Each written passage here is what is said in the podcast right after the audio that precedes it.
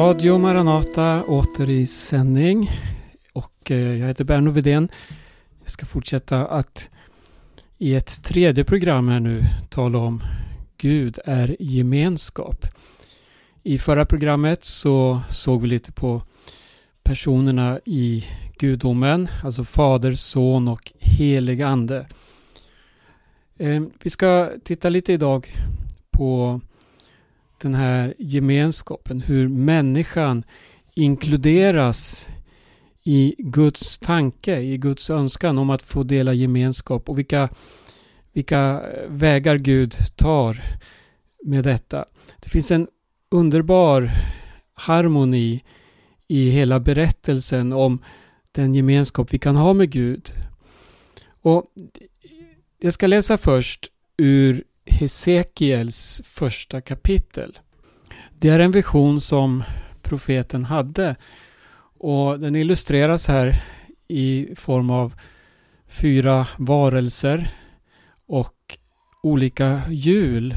Och det står så här i vers 20. Dit anden ville gå, dit gick de och hjulen lyfte sig tillsammans med dem för varelsernas ande var i hjulen. Det här är en bild, du får gärna läsa hela det här sammanhanget och se hur de här hjulen rör sig symmetriskt. De rör sig alltså på ett sätt oberoende av varandra men ändå fullt beroende av varandra. De är i varandra och de går alltid rakt fram oavsett vilket håll de rör sig åt. En bild på hur Gud eh, rör sig bland människan. Hur Gud han eh, visar på en övermåttan härlig väg där vi får bli ett med honom i denna gudomliga gemenskap. Eh, Hesekiel 1 alltså. Nu ska vi titta först här också på eh, första Mosebok och vi går till första kapitlet. I skapelseberättelsen här så möter vi ju eh, när Gud skapade människan till sin avbild och se vilken önskan det finns hos Gud just att ha gemenskap med människan. Vi läser från vers 26. Gud sade, låt oss göra människor till vår avbild, lika oss. Det ska råda över havets fiskar och himlens fåglar, över boskapsdjuren och hela jorden och alla kräldjur som rör sig på jorden. Och Gud skapade människan till sin avbild. Till Guds avbild skapade han henne, till man och kvinna skapade han dem. Och Gud välsignade dem och sade till dem Var fruktsamma och föröka er, uppfyll jorden och lägg den under er. Råd över havets fiskar, himlens fåglar och alla djur som rör sig på jorden.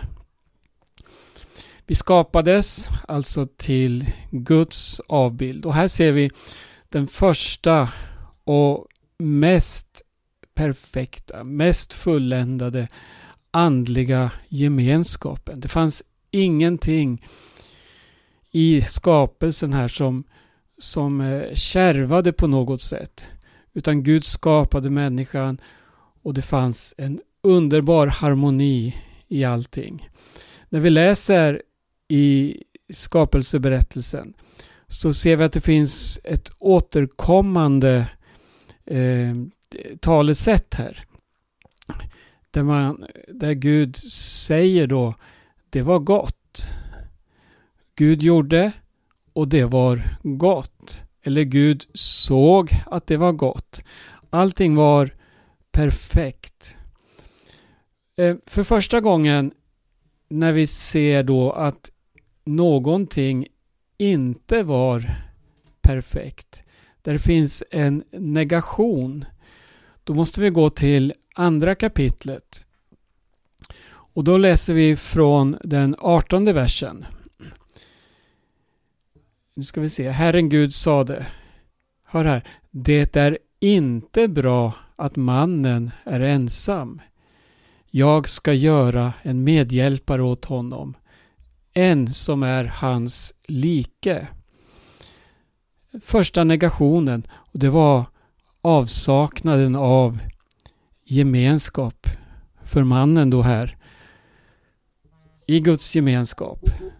Vi har Fader, Son, vi har Anden. Så har ingen någonsin varit ensam. Utom då vi möter Jesus då, som lämnade himlen, som blev människa, som blev allas tjänare. Och jag tänker på Jesus också när han utropade min, min Gud, varför har du övergivit mig? Den här ensamheten, att vara helt utgiven. Men det här var ju också en del i Guds plan, just för att öppna vägen för varje människa att få del av denna gemenskap. För Jesus bar all vår synd på sig. Han tog all vår synd, allt straff. Han tog all ondska, allt elände. Och det bar han i sin kropp just för att vi skulle få ha denna obrutna gemenskap med Gud. I Första Mosebok, jag läste här vers 18 då, i andra kapitlet, det är inte bra att mannen är ensam. I vers 19, Herren Gud hade format alla markens djur och himlens alla fåglar av jord. Han förde fram dem till mannen för att se vad han skulle kalla dem. Så som mannen kallade varje levande varelse, så blev dess namn. Och mannen gav namn åt alla boskapsdjur, åt himlens fåglar och markens alla vilda djur. Men åt Adam fanns ingen medhjälpare som var hans like. Ja, vi ser här vilken ensamhet som rådde. Adam, han var ensam. Han hade ingen vid sin sida på det sättet som han eh, såg i övriga skapelsen. Eller som han såg hos Gud, Fadern och den här andliga gemenskapen. Visst var Adam en del av den gemenskapen. Han umgicks med Gud. Men ändå så fanns det ett tomt hål. Det fanns en saknad. Och eh, vi ska läsa vidare här. Det står så här i vers 21 att då lät Herren Gud en tung sömn falla över mannen. När han hade somnat tog han ut ett av hans revben och fyllde dess plats med kött. Och Herren Gud byggde en kvinna av revbenet som han tagit från mannen och förde fram henne till honom. Och då sade mannen, hör det här utropet, det, det, det är så oerhört starkt. Äntligen! Hon är ben av mina ben och kött av mitt kött. Hon ska heta kvinna, för av man är hon tagen. Vi ser här hur Gud, han byggde kvinnan.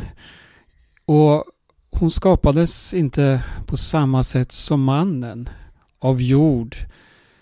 Inte separat, alltså från jorden, för att leva ensam.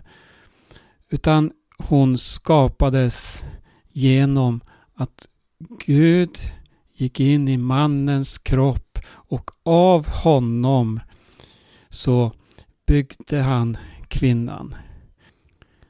De skulle alltså vara ett. Han såg Adam och ur hans eget liv så byggde han en kvinna och tillsammans hade de fått auktoritet över skapelsen. Djuren var inkluderade där. Som vi läste tidigare. De var skapade tillsammans. Och på samma sätt som vi har läst om treenigheten, alltså Gud, Fader, Son och heligande, så fanns det inte heller här något som skilde dem åt. De var ett, helt enkelt. Sen läser vi om eh, den här tragiken då som inträffade. Hur mannen eller kvinnan med öppna ögon eh, gick emot vad Gud hade sagt. Det står ju så här i andra, förlåt, andra kapitlets sjuttonde vers. Eh, vers 16 kan vi läsa. Herren Gud gav mannen denna befallning. Du kan äta fritt av alla träd i lustgården. Men trädet med kunskap om gott och ont ska du inte äta. För den dag du äter av det ska du döden dö. Det här ledde ju till en eh, oundviklig tragedi då. Man skildes från den här oskuldsfulla gudsgemenskapen. Men det blev också till problem gemenskapen mannen och kvinnan mellan, alltså med varandra. Vi kan läsa om hur det blev en förbannelse på många plan. Eh, om vi går till tredje kapitlet i första Mosebok så läser vi där om syndafallets följder. I vers 16 så står det så här.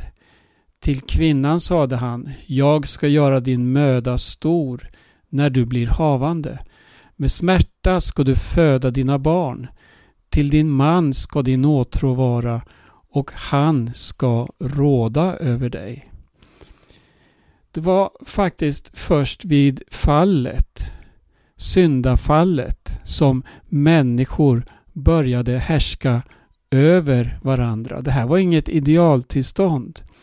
Ett, utan det, vi ser här ett resultat av synden som kom in i människan. En konsekvens som gjorde att de inte längre kunde leva i den här andliga gemenskapen. Ett fruktansvärt pris som de fick betala. Och vad är lösningen då från det här eh, fallet, alltså från, från, från det här tillståndet man nu hamnar i? Ja, då måste vi gå långt fram i tiden och se det som handlar om tidens absoluta mittpunkt. Och det är faktiskt då när Jesus blir människa. Gud, han står inte rådlös i den här situationen när synden har kommit in, döden har börjat härska, hat och kiv och vi kan läsa hela Gamla testamentets historia och se hur mycket elände det var som formade människan. Det var ondska, det var orättfärdighet, förtryck på olika sätt, avguderi och så vidare. Men Gud, han hade en plan och Gud hade en tanke och allt som all makt ligger i Guds händer. Så här ska vi läsa nu i Johannes 3 och 16. Känner du igen den här versen? Så älskade Gud världen att han utgav sin enfödde son för att var och en som tror på honom inte ska gå förlorad utan ha evigt liv. Den här versen, den, den omfattar så oerhört mycket och den lovar att vi ska få en ny obruten gemenskap med Gud på samma sätt som det var innan syndafallet. Hur är det möjligt? Jo, det är just för att Herren Jesus Kristus tog all synd på sig. Jesus själv talade ju om det här vid flera tillfällen. Han, han eh, talade om sin död, hur han skulle dö för oss alla. Människan, eh, hon hade ju sin chans genom Adam och Eva men vi ser där hur man föll i synd. Men därför gav Jesus sitt liv till lösen för många. Och Markus skriver så här Människosonen har ju kommit inte för att låta tjäna sig utan för att tjäna och ge sitt liv till lösen för många. Ett annat bibelord som beskriver detta och visar oss på, eh, på just på människan, den första människan och den andra människan. Hör, det har kommit något nytt. Eh, eh Paulus skriver i första Korinthierbrevet 15, det som kallas för uppståndelsekapitlet. Och då står det i vers 45 så står det också skrivet den första människan, Adam, blev en levande varelse. Den siste Adam, och här handlar det om Jesus, han blev en livgivande ande. Men det första var inte det andliga utan det jordiska. Därefter kom det andliga. Den första människan kom från jorden, av jord. Den andra människan kom från himlen.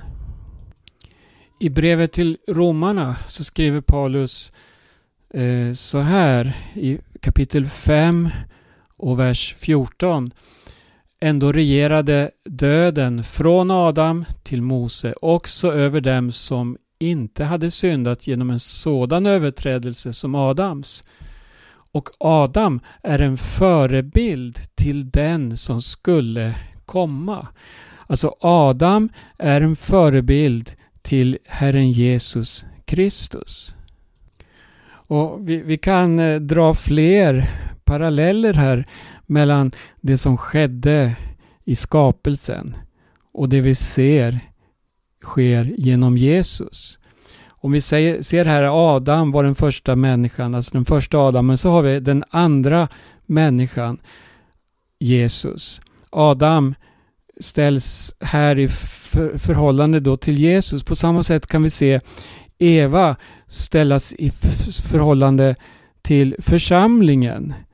För att det, det, det, är på samma sätt med församlingen att vi är födda på nytt genom den heliga Ande. Vi är födda på nytt genom vatten och ande, skriver Johannes. Och hur är det möjligt? Ja, på samma sätt som Gud, han byggde en människa som han tog ur Adams kropp, alltså Adams revben. Och så byggde han något som skulle vara hans like. På samma sätt är vi skapade till eh, oförgängliga människor in i denna andliga gemenskap där vi hör Gud till, vi hör himlen till.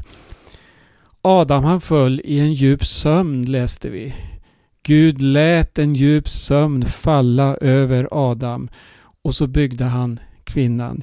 Jesus, han for ned i dödsriket. I Matteus 12 så eh, kan vi läsa här i vers 40. Så som Jona var i den stora fiskens buk i tre dagar och tre nätter så ska Människosonen vara i jordens inre i tre dagar och tre nätter. Tänk dig också när Gud öppnade Abrahams sida, hur hans sida sårades. Och det står också om hur vi är helade i Jesu sår. Det finns många eh, bibelcitat om, som, som, ger, som styrker det. Eh, jag ska läsa ett här i första Petrus brev 2 och 24. Han bar våra synder i sin kropp upp på korsets trä för att vi skulle dö bort från synderna och leva för rättfärdigheten.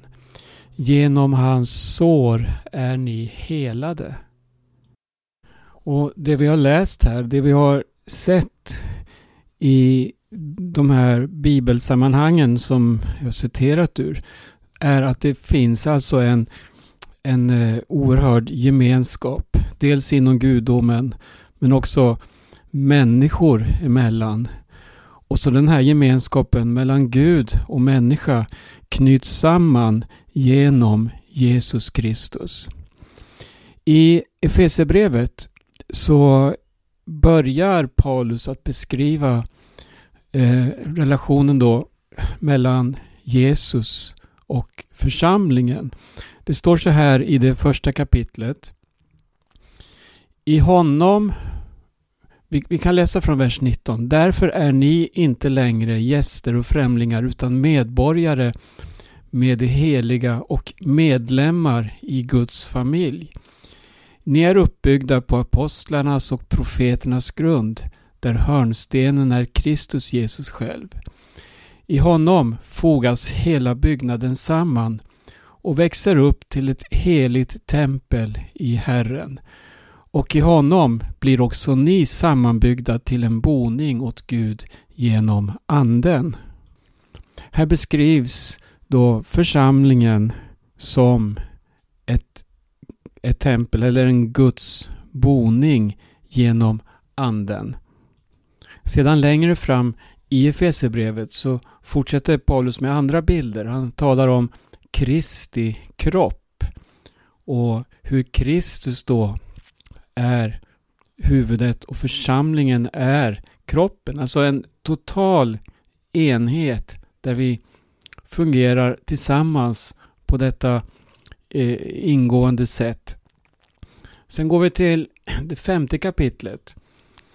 Här används bilden av mannen och hustrun som har förenats i äktenskapet.